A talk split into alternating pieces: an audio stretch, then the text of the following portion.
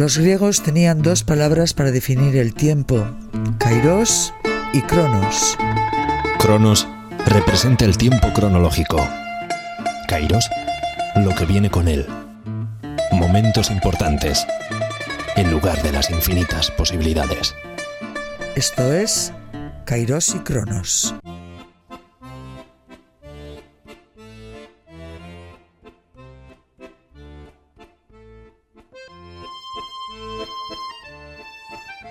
Hola, ¿qué tal? Con la música del compositor y violinista guipuzcoano Pello Ramírez comenzamos este espacio de conversación. Presentamos a nuestra invitada, Donostiarra, licenciada en Lengua y Literatura Románicas por la Universidad de Deusto. Estuvo en París estudiando en el mítico 1968 profesora de instituto. En el ámbito de la educación tuvo también otra, otras responsabilidades en la Delegación Territorial de Educación de Guipúzcoa y es también escritora, fundamentalmente de novela histórica, aunque no solo ese tipo de novela. Está ya jubilada de su tarea en, en el Instituto de Educación Secundaria y podemos intuir que la escritura mm, puede ser su principal ocupación ahora porque le encanta escribir. Mila Beldarrain Albaitero, bienvenida Mila. Muchas gracias. Decía yo que la escritura es tu ocupación principal ahora o, no, o me estoy equivocando. Sí, es mi principal ocupación. De hecho, no tengo la sensación de estar jubilada. Estoy jubilada en una parte de que fue la enseñanza, que disfruté muchísimo con la enseñanza, pero sigo escribiendo, en el correo sigo escribiendo desde hace ya casi 30 años, sigo con mis novelas. Entonces yo te voy a hablar de pasión, de creación y de literatura. Fenomenal. ¿Y la lectura? Yo he sido una lectora voraz, pero ahora es verdad que mm, como estoy escribiendo novelas y como tú has dicho muchas veces son históricas, eh, mis lecturas me dan eh, para ambientarme en esas historias que estoy escribiendo. Te dan mucho trabajo. Me dan mucho trabajo. es verdad que leo algo. Por ejemplo, ahora he leído de un sobrino nieto de Baroja, un librito que está que me ha encantado, pero básicamente leo para el trabajo que estoy haciendo. ¿Y estás ahora, entonces? Pues ¿Qué estás preparando? A ver, yo tengo dos facetas, escritora normal y normal, lo que yo llamo escritora normal y luego escritora friki. A ver, a ver, a ver, a ver. Friki, friki ¿Qué es eso de escritora eh, normal sí. y escritora friki? A ver. Quiero decir que escribo para editoriales normales y luego escribo fricadas mías. cosas que me gustan a mí, que me apasionan.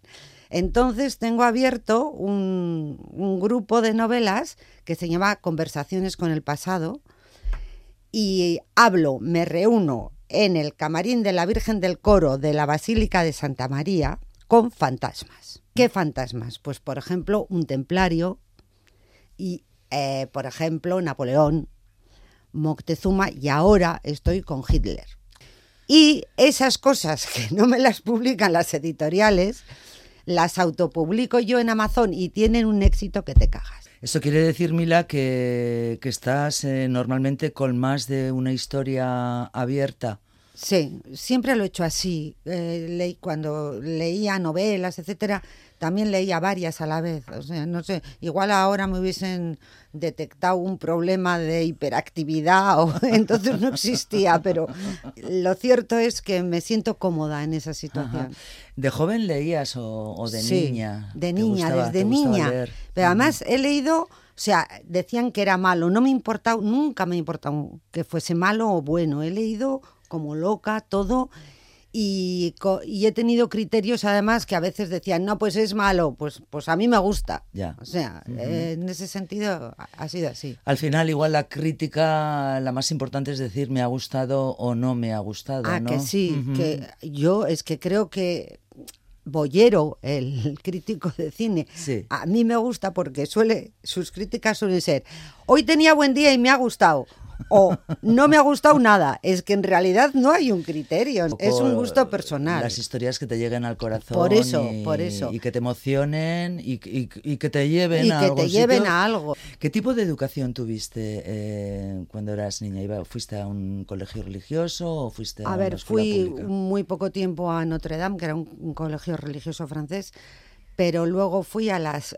el nombre super cursi, señoritas de Jauregui Ansola. Bueno, eso que suena así, sin embargo, tenía un plus, ella era que las profesoras eran todas licenciadas, cosa que entonces no solía pasar. Había una licenciada que firmaba todo, y en este caso eran licenciadas y el, el número de alumnos por clase era, era muy pequeño, éramos 15, 12. Entonces yo tengo un buen recuerdo.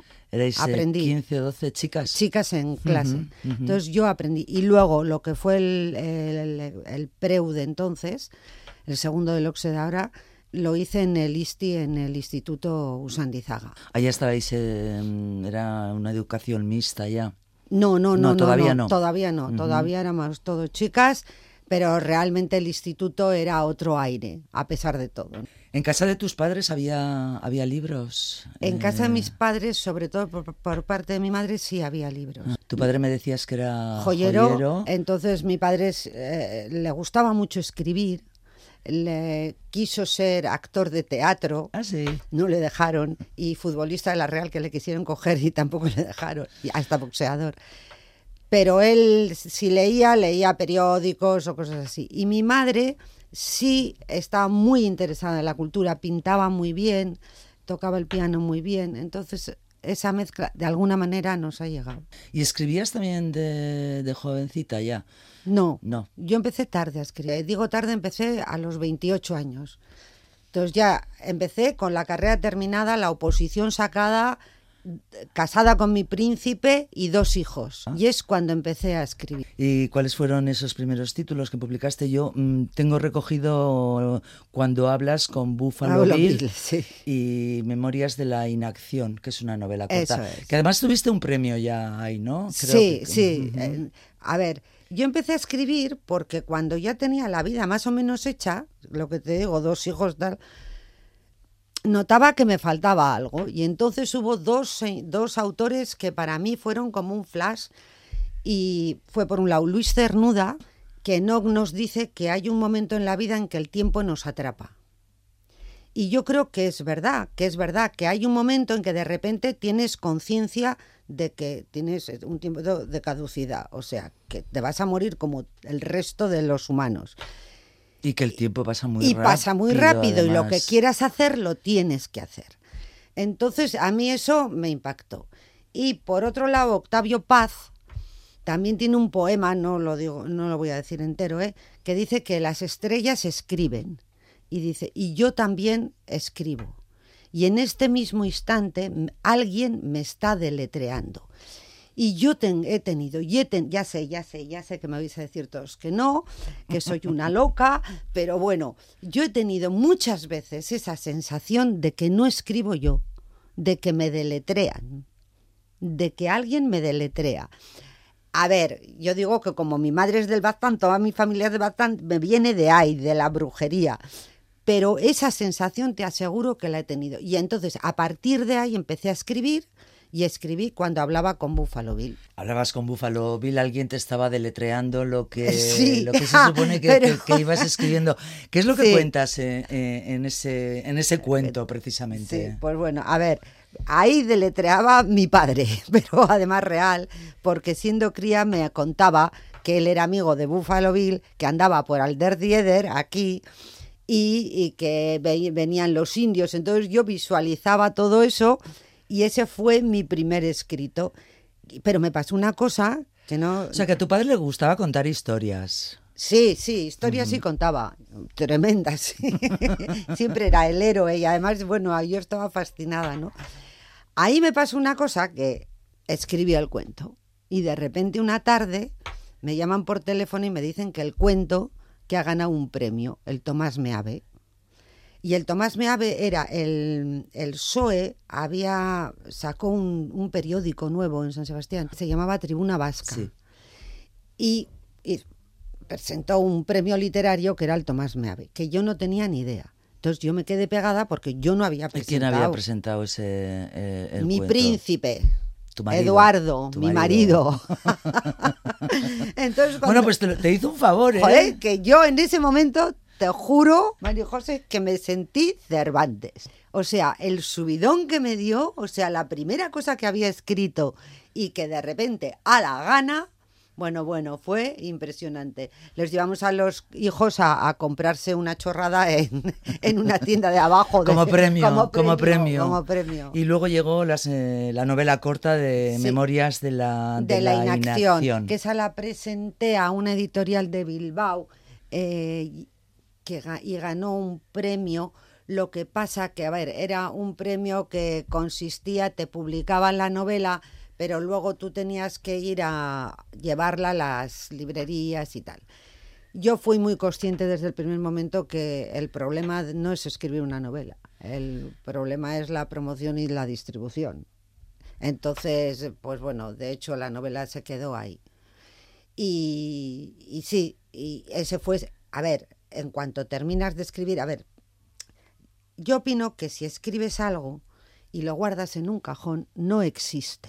Porque al final, ¿cuándo se termina cada escrito? Se termina cada escrito cuando mi vivencia se mezcla con tu vivencia y la suma de las dos es el final de un libro. Y hay muchos finales de libros, tantos como lectores. Y esa es la realidad de la novela. Y para eso tiene que estar editada. Claro, La gente se tiene- tiene que enterar, de que ese libro sí, existe. exacto, Porque exacto. no es fácil eh, No es saber fácil. que, que se edita. Cuando edité mi primera novela, que fue Oría, la sultana vascona, ya- yo ya tenía 41 años, ¿eh? Y ahora te contaré el- la aventura. Y la vi en una librería como un libro normal. O sea, era como los demás. O sea, me pareció alucinante. Y cuando hoy todavía estoy en una librería y veo que alguien coge un libro mío, por supuesto, corro enloquecida a decir, te lo dedico. Eso para empezar, ¿no? Y digo, joder, es que con la oferta editorial que hay, que te elijan, es impresionante. La verdad es que tiene que ser, sobre todo si lo ves. Y lo- si lo ves. Te tiene que dar un, un subidón. Un subido- Aparte que yo escribo para comunicarme. O sea, cada vez que alguien lee algo que yo he escrito es como que nos comunicamos por una ventana. ¿no? Eso. Mira, háblame de, de tus estudios en, en la universidad. ¿Cómo, ¿Lo de París fue antes o...? Lo de París fue antes. Fue antes, en el 68, Sí. decía yo, en el mítico 68. Sí. Viviste, viviste A ese ver, año allí, eras muy joven, ¿no? Yo, no, lo que pasa es que estaba en un colegio de monjas. No, no, no, no. O sea, yo estaba en un colegio de monjas, no me enteré, está en Mortefontaine. Era un colegio además elitista que estaba en las Fierro, las no sé qué. Y entonces, eh, bueno, cuando empezó la bronca, vino el embajador español y se llevó a todas esas chicas y porque había peligro. Y, y entonces mi padre fue a buscarme en un taxi Desde San Sebastián. desde aquí a buscarme en un taxi. Y para llegar a Mortefontaine, que está a 30 kilómetros de París, pues los que le indicaron fueron dos chicos gays eh, que le llevaron hasta el colegio. Entonces mi padre, que era un carlistón de aquí te espero, se pasó medio viaje de vuelta diciéndome, qué cosa, ¿eh? Y eran muy majos, eran muy majos y me llevaron hasta allí. Bueno, pues yo la verdad del 68 me enteré poco porque estaba dentro del, del colegio, eso sí, aprendí francés. Que, ¿Por qué? ¿Para qué? Para los clientes de la joyería. Claro que tú te, le tenías que ayudar a tu, Claro. a tu padre en, es. en la joyería, Eso es. en la que entraban muchos franceses, seguramente. No te puedes imaginar cuántos, porque aquí no había impuesto de lujo. Ah, y o en- sea, y en había Francia truco. sí, claro. Y en Francia sí. Entonces era impresionante la cantidad de clientes franceses que teníamos. Y además teníamos taller y copiábamos. O sea, que tu padre era orfebre también. Sí, o era sea, orfebre, aprendió en Eibar y, y nosotros copiábamos, copiábamos eh, anillos de Cartier, de todos. Hacíamos contrabando, pasábamos la frontera. Las chicas, ¿eh? porque ya sabíamos que no nos miraban. Luego llegó tu época de, de universidad. ¿Cómo fue esa época? Te, te tocó pelear en casa también, ¿no? Peleé, no os podéis imaginar cuánto. eh, peleé muchísimo porque, bueno, les pareció horrible que quisiese estudiar, eh, pero yo lo tenía muy claro y entonces, pues bueno, al final lo conseguí. ¿Le parecía o les parecía a tus padres horrible que tú quisieras estudiar? Supongo porque pensaban que tenías como el futuro ya, ya hecho, ¿no? Estabas a tienda, la no, joyería. ¿Qué va? Es mucho peor de lo que has contado. A ver, cuéntamelo. te cuento. A ver, lo que nos pasaba era que mi padre decía, estas se van a casar. Ya. Entonces, la inversión que yo hago en la carrera no sirve para nada. A ver, era así porque te lo decía. Y a él le parecía normal. O sea, no tenía la idea de que, de que yo iba a trabajar, de que yo quería estudiar y trabajar. No. ¿Y cómo, cómo le convenciste? Eh, a base, a base de broncas. broncas. Yo soy muy broncas, además.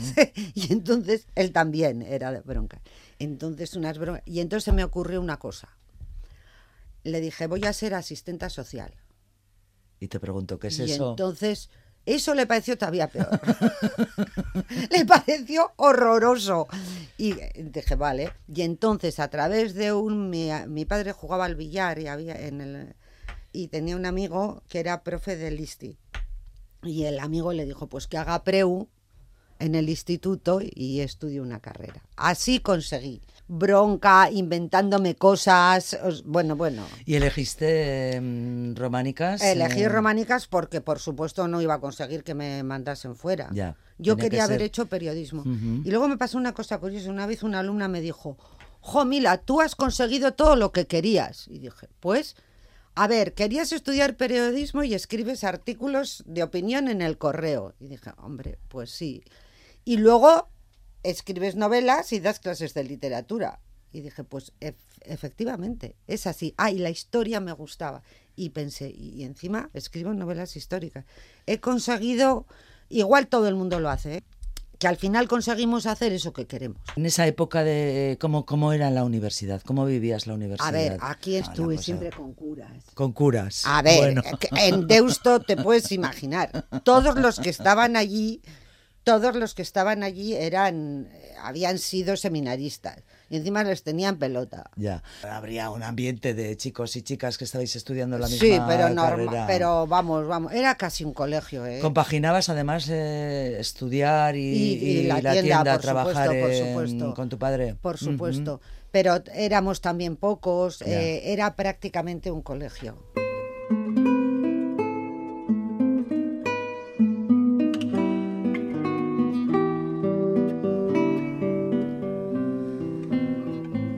Estamos escuchando Ñases con dolor, una partitura de Aita Donostia dentro de, esos preludios vascos.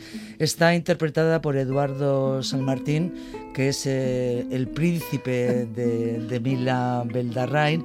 Es la primera de las canciones que, ha elegido. Pues vamos a, a, escucharla precisamente y luego, luego hablamos un poquito de ella.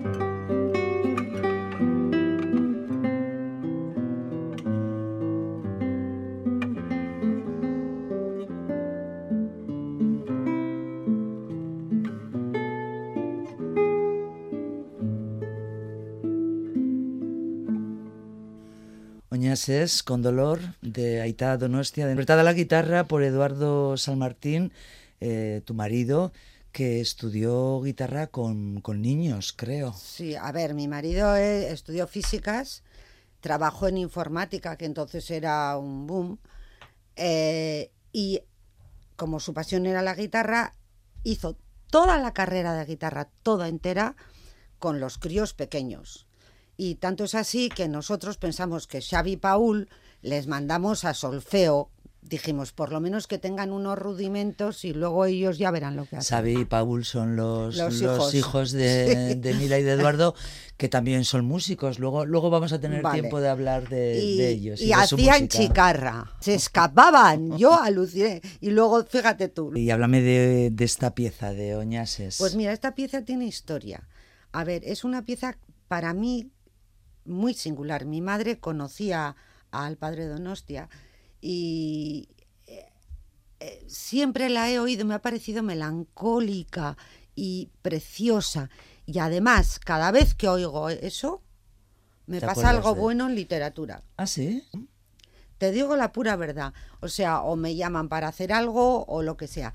Dos días antes de que me llamases tú, Edu empezó a tocar Dolor de, del padre Donosti. Y dije yo, uy, va a pasar algo. Y me llamaste tú, yo estoy encantada de estar aquí. ¿Cómo me alegro? No, te lo digo, no te digo de broma, ¿eh? Te digo de verdad. Me parece nostálgica, bonita, eh, no sé, me llega, A- me llega. Además, en, en vuestro caso, en el de tu marido y tú, como que tenéis ese, ese paralelismo, ¿no? Tú empezaste a, a escribir, decías tarde. Sí. eh, sí. Eduardo también, tu marido, empezó a, a, a estudiar guitarra tarde, Tarde, también. que sí. Pero por lo que hemos escuchado es eh, todo un virtuoso. Sí, sí, sí, sí. Y, y, bueno, y yo le grabo en YouTube y tiene muchos seguidores.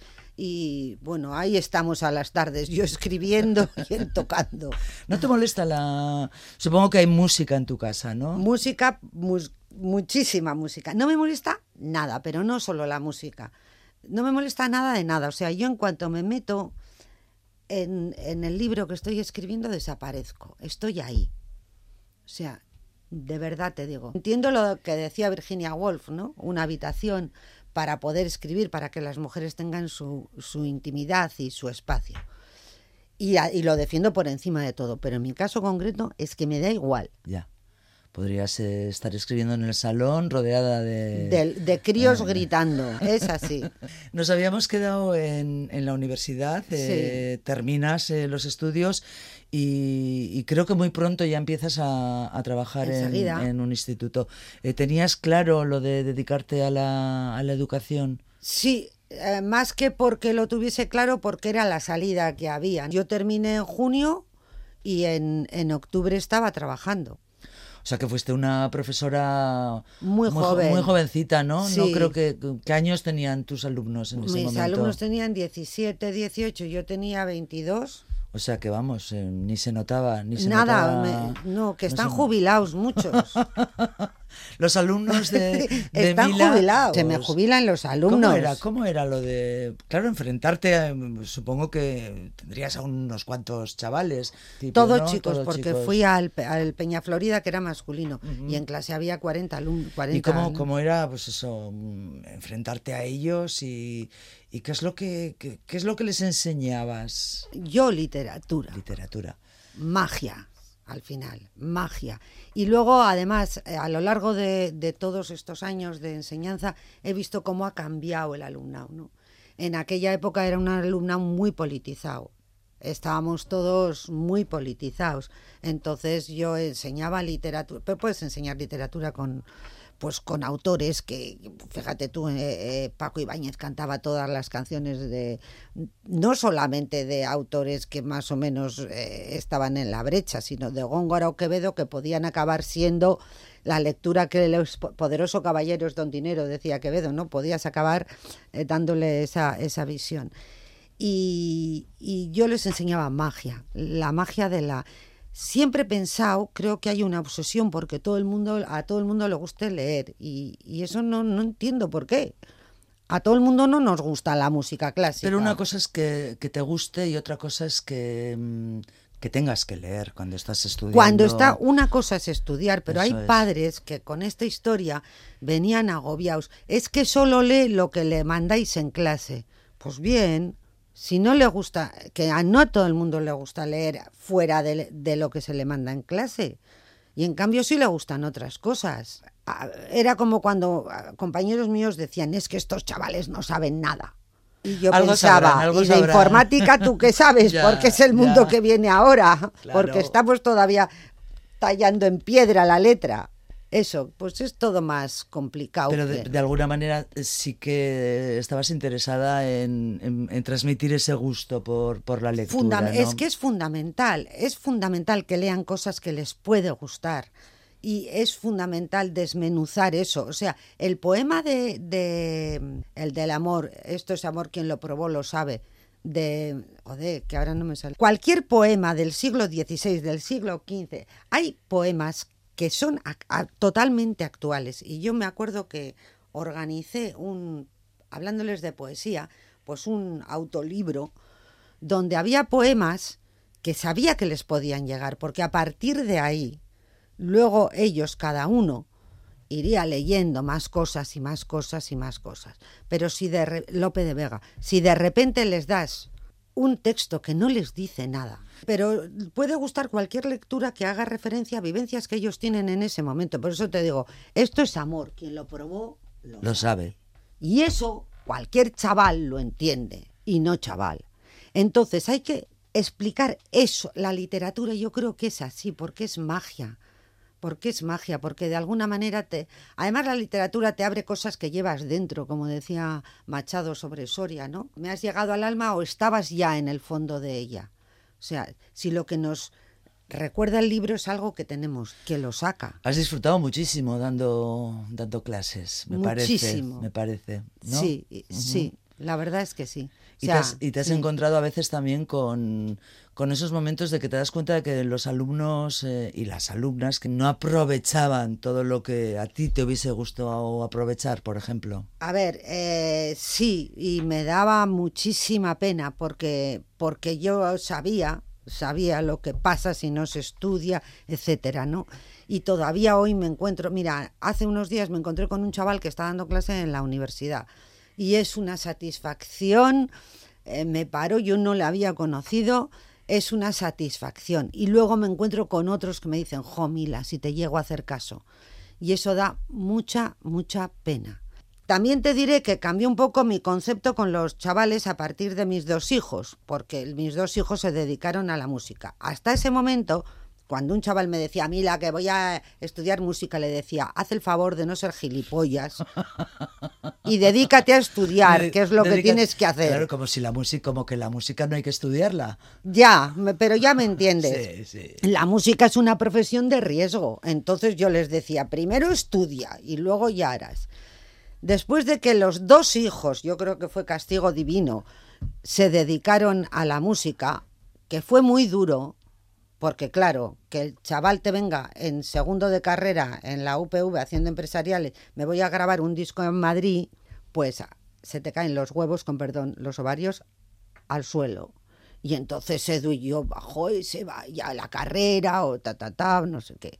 Y que Paul, que yo tenía un, teníamos un cuñado, un notario, que murió de las vacas locas, fíjate, ¿eh? Vaya. que Paul, yo ya le tenía todo organizado, este derecho y a currar con su tío. Y de repente empieza derecho y dice, no, yo voy a hacer la carrera de música. Pues nada, pues aprueba alguna, porque si no te quedas sin poder entrar luego en la universidad. Y se hizo toda la carrera de música en la especialidad de jazz. Pero eso al principio fue muy duro. Por eso yo a los chavales, cuando ya vi todo eso, les decía, vale, ser lo que os dé la real gana. Payasos si queréis, pero los mejores. Claro. Y currarlo, Claro, currarlo, currarlo, currarlo, currarlo, porque todo se curra. Después de, de dar clases o, o en un interín de, de tu tarea como docente, estuviste en, en la administración. Sí. ¿A qué te dedicabas? Yo hubo un momento que dejé de escribir porque me estaba comiendo tanto el tarro y tenía dos hijos que dije, los hijos o la escritura. Y punto final la escritura y me dediqué a mi profesión y a los hijos. Pasados unos años entré en el Partido Socialista. Entonces, y em, el PSOE cogió la cartera de educación. Y entonces fui jefe territorial de presupuestos y administración educativa. Todo eso que, como ves, tiene mucho que ver con la literatura. Tiene que ver con los dineros. Por eso te digo. Pero alguien lo tenía que hacer. Alguien ¿no? lo tenía Supongo. que hacer. Ah, Era un poco llevar toda la gestión del personal de, de educación eh, como una especie de jefe de recursos así y luego los dineros de las escuelas. Entonces, como soy así, me fascinaba ese mundo, me parecía que poco menos podía hacer, ayudar, hacer, buah, buah, buah. Pues bueno, empecé a trabajar ahí, estuve toda la legislatura y llegué a la conclusión de que no me gustaba nada. Pero no me gustaba nada, no en el sentido de qué honrada soy yo y los políticos en qué tejemanejes. No, no, no. Es que no me gustaba porque no me gustaba. A ver, en, cuando entras en un partido político er- tienes que ser obediente. Y además creo que funciona, que está bien que se sea obediente, se funciona así. Y yo soy desobediente, pero desobediente desde que nací. Entonces, joder, pues igual veía. Recuerdo un caso de un problema que hubo aquí que a mí me pareció evidente que era un problema que había que solucionar. Me echaron un chorreo de aquí te espero porque no era. y igual tenían hasta razón. Ya, pero tú lo habías intentado Ya, hacer por la pero vía que tú eso, entonces yo vi que, que no era lo mío y, y cuando la gente dice los políticos no hacen nada, no trabajan, yo digo que sí trabajan, porque yo lo he visto. O sea, se trabaja, lo que pasa es que tienes que valer y es lo que me pasó. Y cuando salí de ahí decidí ya escribir. ¿Y por qué? No sé por qué, eh, también inspiración divina, yo soy creyente, eh, de repente dije, ¿cómo? Porque me daba como pudor escribir, porque el que escribe se escribe, Se desnuda, siempre, siempre, y sales a la plaza pública. efectivamente. Y te pueden poner a parir. Y te puede entrar un bajón Y te pueden querer mucho también. también, pero como, como no te quieran, tendrá un bajón de aquí te espero. Bueno, pues vamos con, con la magia, como, como tú le llamas a, a- a la literatura, y vamos con Oria, la sultana vasca, que fue esa, esa primera, primera novela. novela histórica que surgió de una manera un poco... ¿Cómo fue? Leyendo... Sí, Auñamendi. la- Auñamendi. A ver, cuéntame. ¿cómo, estaba cómo con gripe y con Auñamendi mirando porque ya estaba yo con la idea de escribir ya- y quería escribir algo histórico porque el personaje histórico era una pantalla, yo me podía de alguna manera reflejar ahí, pero me daba menos vergüenza. Bueno, y estaba mirando y zas, encuentro a Oría y me pareció fascinante, dije, este, este es mi personaje. Y fueron un año que estuve escribiendo de felicidad absoluta. Me levantaba a la mañana a escribir, o sea, feliz. Cuando acabé dije, ala, a publicar. Y ahí vino el follón. Me O sea que te costó, te costó publicar. me mandaban que no, muy, a- muy agradecidos, pero en este momento no entra en las ideas de la editorial. Vamos a contar un poco eh, la historia de Oria. A ti Sí. te fascinó, Sí. fuiste feliz durante el tiempo en el que lo estuviste escribiendo, pero igual a alguien ahora de repente le apetece, Sí. le apetece meterse en esa historia. Que además, el cerdo de mi editor, te lo digo, todavía la está publicando y vendiendo, que no, no tiene ningún derecho, pero bueno, ¿qué le vamos a hacer? Es eh, Abderramán III, que era rubio con ojos azules, pues bueno, también era, era medio navarro. Ah, Y entonces tuvo un, tuvo un hijo y ese hijo se casó con una vascona, que es Oría. Yo le he puesto el nombre de Oría porque no se sabe el nombre que tenía, pero sí se sabe que existió la, la vascona. Eh, una vascona muy singular que fue tuvo una relación con Almanzor, que, que tuvo que le tocó porque el hijo era un cantamañanas que se iba de vinos por ahí, por, por Córdoba, y fue, es un personaje que realmente importante en ese final de- del reino de Córdoba. ¿en qué, ¿en qué época estamos? Sitúame. Estamos, ya no te sé decir, es, eh, nueve por décimo, ahí, décimo menos, por ¿no? ahí. Mm. Y tuve una suerte impresionante porque en el Centro de Investigaciones Científicas conseguí todo un tocho de los periódicos que se escribían entonces en Córdoba. O sea, tengo a gala una cosa, que lo que cuento en mis novelas es verdad.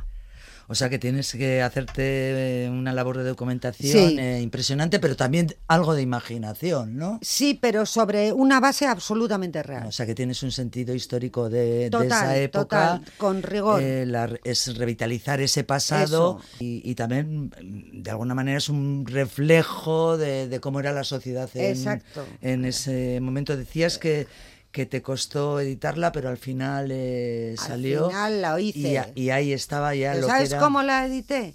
Porque un domingo le dije a Edu que no me coge nadie. O sea, yo estaba desesperada, no me coge nadie.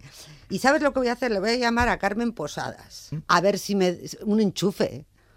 Y mi marido me dijo, pero qué tonterías... pa- Sí, voy a llamar, voy a pedir el número del gobernador del Banco de España, que era su marido, en Telefónica. Y entonces le llamo. Y dijo Eduardo, eso es imposible. Llamé y me dieron su número. Así, ¿eh? Y hablé con ella, fue amabilísima, le mandé la novela, me puse en contacto con su manager o lo que sea, que me mandó a la mierda. Y la siguiente fue con, con Rosa Rosa Montero. con Rosa Montero y es, ya me puso en contacto con Libertarias y entonces se publicó. ¿Se puede hablar de, de novela histórica solo cuando los personajes eh, son reales o esos personajes también te los, te los puedes inventar? Yo, a ver, yo creo que hay que... eh, yo no me invento historias, te digo la pura verdad. Lo que sí hay que visualizar cómo era aquello. Esa, esa parte, claro, yo hago una visualización que es la mía. No sé hasta qué punto sería así, pero...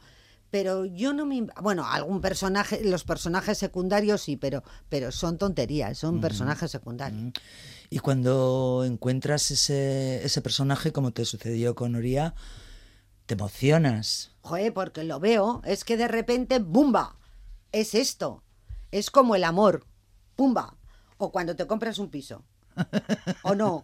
Tú entras en una casa y dices, ¡ala! Pero sí es, es el que Este- yo esta, quería. esta es mi casa. Esta, esta es, mi casa. Eh, Personajes femeninos que no han tenido, lo comentábamos antes, su lugar en la historia.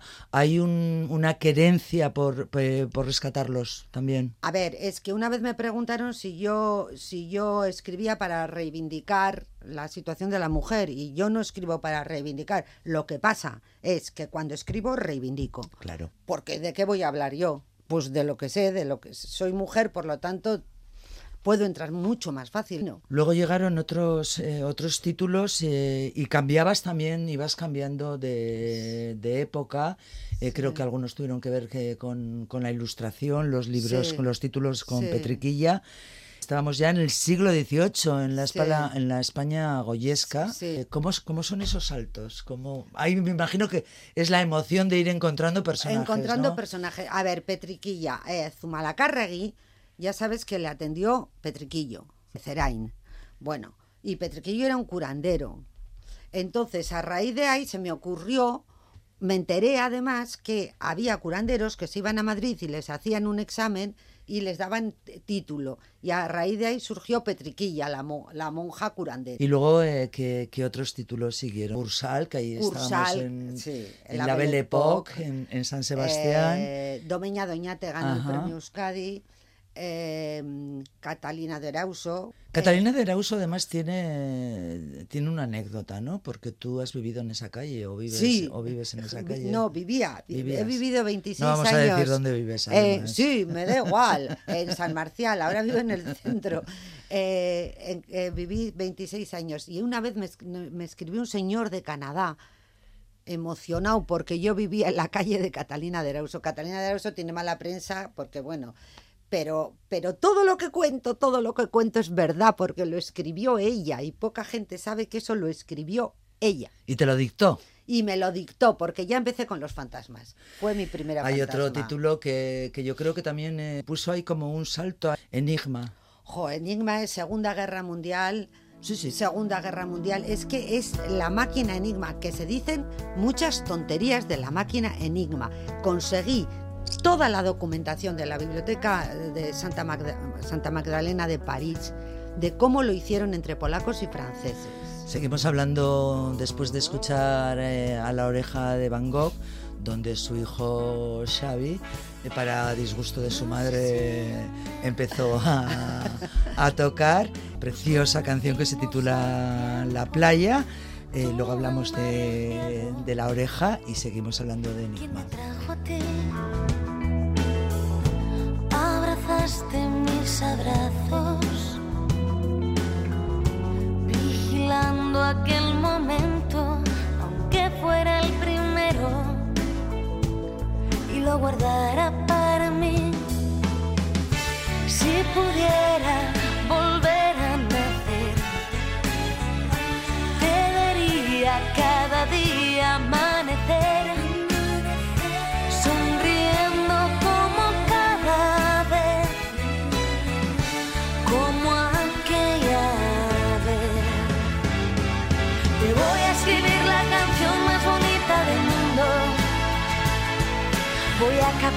nuestra historia en tan solo un segundo. Un día verás que este loco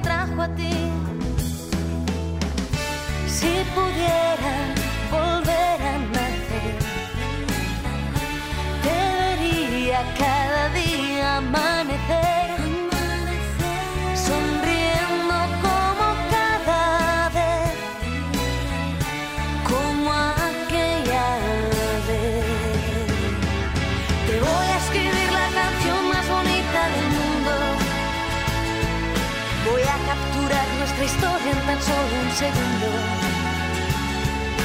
Un día verás que este loco de poco se olvida. Por mucho que pasen los años de largo en su vida.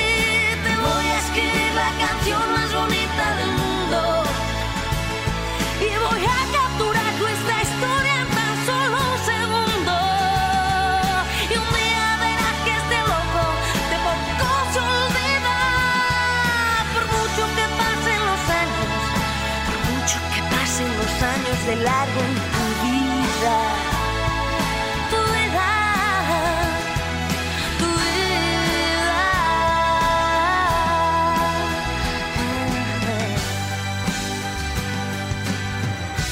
La playa de la oreja de Van Gogh, en la que la banda en la que pues eh, milita su hijo, su hijo Xavi, el hijo de Mila Beldarrain. Una canción que se podría mm, titular Te voy a escribir la canción más bonita del mundo también, ¿no? Pues sí, la Mila. verdad, la verdad es que sí. Es tu hijo el que, que Xavi, sí, casi pues- siempre compone las canciones Sí, de, de la oreja. Es Xavi el que compone las canciones de la oreja la mayor parte de las veces. Y para mí esta canción es especial porque, porque Donosti es especial para mí también, sinceramente. Y qué sé yo, es la que, es la que más me gusta. ¿Te has reconciliado con, con lo de ser músico de, de tus hijos en este sentido? Sí, encantados. después de aquello, después de aquel susto, luego al revés. Oye, ¿y cuándo el otro, el nuevo disco para cuándo? Claro. Cosas que pasan. Claro, nos habíamos quedado en Enigma, es una de las novelas de Mila Beldarrain.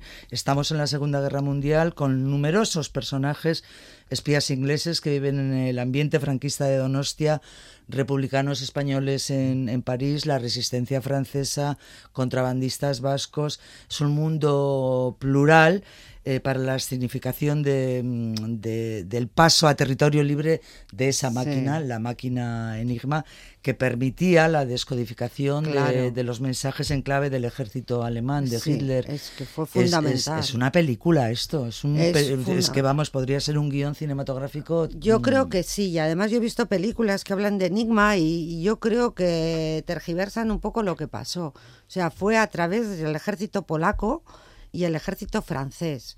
Y unos personajes además bastante, te quiero decir que oscuros dentro del ejército, que fueron los que consiguieron decodificar, descodificar eh, la máquina Enigma, pero fue fundamental. Fue un momento histórico, Histórico preciso, importante. importantísimo. Hombre, es que Alemania, Alemania iba ganando la guerra, o sea, era así, ¿no? si no se llega a haber eh, preservado esa, claro. esa, esa máquina, la máquina Enigma. Zweig mm, se, mm, se suicida en Brasil porque está convencido de que Alemania va, va a ganar la guerra. Realmente fueron momentos muy, muy terribles. Mila, luego hablabas también de, de ese premio literario Euskadi de Plata en 2007 por eh, Domeja de, Sí, de Oñate. de Oñate. Eh, ¿Cómo recibiste ese premio? Creo que era el mismo año en el que Bernardo Achaga Sí, eh, eso recibía es. el, en, el- en euskera. el mismo premio en, en la modalidad de euskera. ¿Qué novela era la de Achaga? No sé si Pues no me acuerdo. Mm. Pues muy bien, porque además eh, Bernardo presentó mi novela Petriquilla. O sea, que os que nos conocíamos. Así que yo eh, recibir un premio, pues eh, que él recibiese uno y otro, ya me sentía pues muy importante. Claro, Tengo una foto con él que la guardo con mucho cariño en la biblioteca. Y me acuerdo que estaba dando clase en el ISTI y me llamó Eduardo, oye, que, que has ganado ese premio y, ahí- y, bueno, pues una satisfacción, la verdad. Qué gozada, ¿eh? Que te llamen y te Que digan, sí, oye, que, que te hemos dado... Sí. Pues es un premio importante. Eh, es pues sí, es la verdad es que, que ¿sabes lo que pasa? Además, yo, yo me lo he currado todo sola porque eh, otras tienen un manager, alguien que, un- que les lleva, pero yo me lo he currado yo. Entonces, cada vez que consigo algo, me pongo dos medallas. Te das palmaditas. Hombre, dices, a es ver. Que, es que bueno, me, me- me- me lo estoy mereciendo. Me lo estoy mereciendo, que sí. Le siguieron el Templario, que con ese libro que con el Templario creo que es eh, cuando conoces la autoedición, ¿no? Eso es en Amazonas. No te puedes imaginar cómo es. Yo recomiendo a todo el mundo que si escribe algo que se autopublique en Amazon. A ver, yo veo todos los días la gente que me ha leído. Sí. Me pagan rigurosamente. Cosa que con las editoriales no te creas que a veces pasa eso, ¿eh? porque como no hay control eh, del número de libros que se venden, pero en Amazon sí. Tú ves cada día cuántos has vendido de tapa dura, de tapa blanda, si te han leído en las bibliotecas, si no sé qué, qué porcentaje en Estados Unidos y en España, eh, cuántas regalías vas a recibir. Es impresionante. Y luego además la gente mm, suele suele dejar comentarios, ¿no? Suele, suele dejar comentarios. La verdad es que yo estoy encantada. Siguieron eh, títulos como Catalina de Erauso, eh, personajes femeninos, Sí. Bajo el cerezo. Bajo el eh, cerezo le tengo mucho cariño a esa sí. novela. A ver, pues no sé por qué, pero le es de alguna manera recoge algunas partes de la historia familiar y disfruté muchísimo. Me la publicó Alberdania. La portada de, de Bajo el cerezo es un cerezo que está, compramos una casita en las landas, es el, el cerezo de la casa. Luego llegaste a Montezuma, aquí te Sí. alejas geográficamente bastante Sí. y además eh, no sé si es eh, tu primer personaje masculino o no. Bueno, estaba Eh, Buffalo Bill. y- Sí, sí. Pues sí, bueno, también en Enigma hay bastantes personajes masculinos. sí. Lo que pasa que Moctezuma me pareció, quería hablar de él porque es, es muy controvertido. Le ponen a parir a Moctezuma, porque de hecho fue eh, Hernán Cortés es cuando les vence, ¿no? Pero visto yo analizando a Moctezuma, yo digo, si nos vienen unos marcianos, ahora, imagínate, o sea, con unas armas increíbles, con una tecnología muy superior a la nuestra, entonces Moctezuma quiso pactar y que mantuvieran México. Es lo que hizo. ¿Y qué posibilidades tenían? Pues yo creo que poquísimas. Yo de todas formas, si vienen unos marcianos, aunque vengan, me digan que son buenos, yo me escondo. Pero vamos, lo tengo clarísimo. Tú si llegan los marcianos les dices, deletréame algo que tengo que... Deletréame. Que, No, te- no, que no, os escribo una historia, una historia Me preciosa. voy a Infernuco de Reca allí que seguro que no me encuentran. Luego te metiste en ese oscuro mundo de la violencia de género en Hazte Pequeña, solo mía. Sí. Fue doloroso escribir este, este libro. Sí, a ver, eh, doloroso. Porque además eh, lo abordas desde el punto de vista mm, de- del maltratador, ¿no? Sí, eso es, porque yo creo que son historias muy sórdidas, porque hay un maltratador, hay una víctima, a veces la víctima, como parece mentira a veces, ¿no? Que no denuncien o que hay, hay una relación que es muy estrecha, muy especial, muy extraña, ¿no? Y quise meterme ahí, en esas dos perspectivas, desde el maltratador y desde la víctima. Después de este, de este título, em, ¿ha habido más? Eh, Tengo un una que no publico, que no publico. Ah, o sea que te Mario la, José. Te la vas a tener que, que No sé qué, no sé qué voy a hacer, no, to- todavía Y luego, y luego está la de Hitler, la que está. la de que Hitler estás- esa me la voy a autopublicar. Muy bien, muy bien. Pero la esa, la que tengo terminada, tengo que negociarla. ¿Escribirías algo privado de ti? no, No. no, y además lo tengo clarísimo. Por ejemplo, a mí me daña cuando veo que alguien escribe sobre la muerte de un hijo, no lo puedo comprender. No me lo puedo comprender que se cobre un duro, un céntimo contando algo así. Igual es la necesidad de. Pues, pues yo, a mí se me hace terrible. O sea, no, no. O sea, de alguna manera tú quieres poner distancia, Yo- te alejas de ti Sí. y. Yo no quiero en- sacar, o sea, yo creo eh, sacar rendimiento, incluso eh, fama, incluso, aunque solamente sea eso, de algo tan personal me parece, es una chorrada mía. ¿eh? Bueno, en cualquier caso, tú no Es- eres partidaria no, de hacer no. eso, prefieres eh, bucear en, en- De en alguna los manera me escribo, o sea, Claro, a ver, claro. yo, a ver, me estás viendo, Sí. mis personajes son Gucci Gravera. Hay ¿Cómo van a ser? Hay mucho de ti en. ¿Cómo? en- Por eso te digo, ¿cómo tus van a ser? Pues como soy. He leído en algún sitio que tienes una estabilidad emocional de Calígula. Sí. A mí me impactó muchísimo leer eso, porque claro, mm, la imagen que tenemos de Calígula es casi casi la de un psicópata. Pues más o menos por ahí estoy. por ahí estoy. Eres muy metódica. Absolutamente. Sí. Soy absolutamente metódica. Escribo de 4 de la tarde a 7. Trrr. Me apetezca, no me apetezca lo que haga Todos los días. Todos los días. Y si escribo algo, ala, uy, qué bien me está saliendo esto, no me digas por qué al día siguiente lo vuelvo a leer y es una caca. Escribo en el subidón O sea, ese. eres eh, muy exigente también. Sí, sí, sí. ¿Y disfrutas? Mogollón. Seré masoca, además. No, además de, de no. Calígula, masoca. Este es mi Paul. I know I love you, always treat you right. What Can I Do del álbum A Friend Session, música blues, boogie, sonidos de New Orleans. Esta es la música de, de su otro hijo, de, de Paul San Martín. Es el último disco eh, que ha grabado con músicos internacionales. La música con la que nos vamos a, a despedir de este espacio de, de conversación. Ha sido todo un placer, eh, Mila, charlar. Pues eh, para mí también, contigo. Mario José, te lo aseguro. Te doy todas las gracias. Yo Es que ricasco. lo mismo.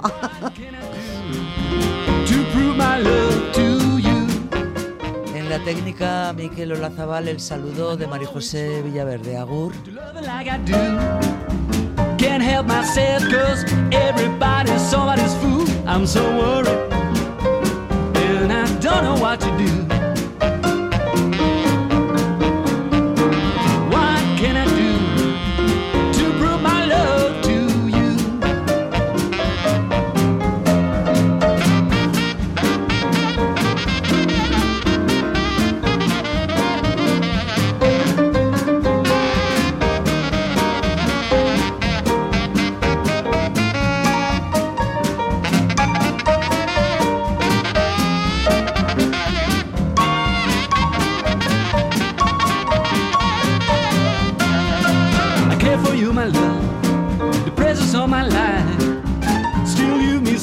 me and never satisfied, and I'm so worried. And I don't know what to do.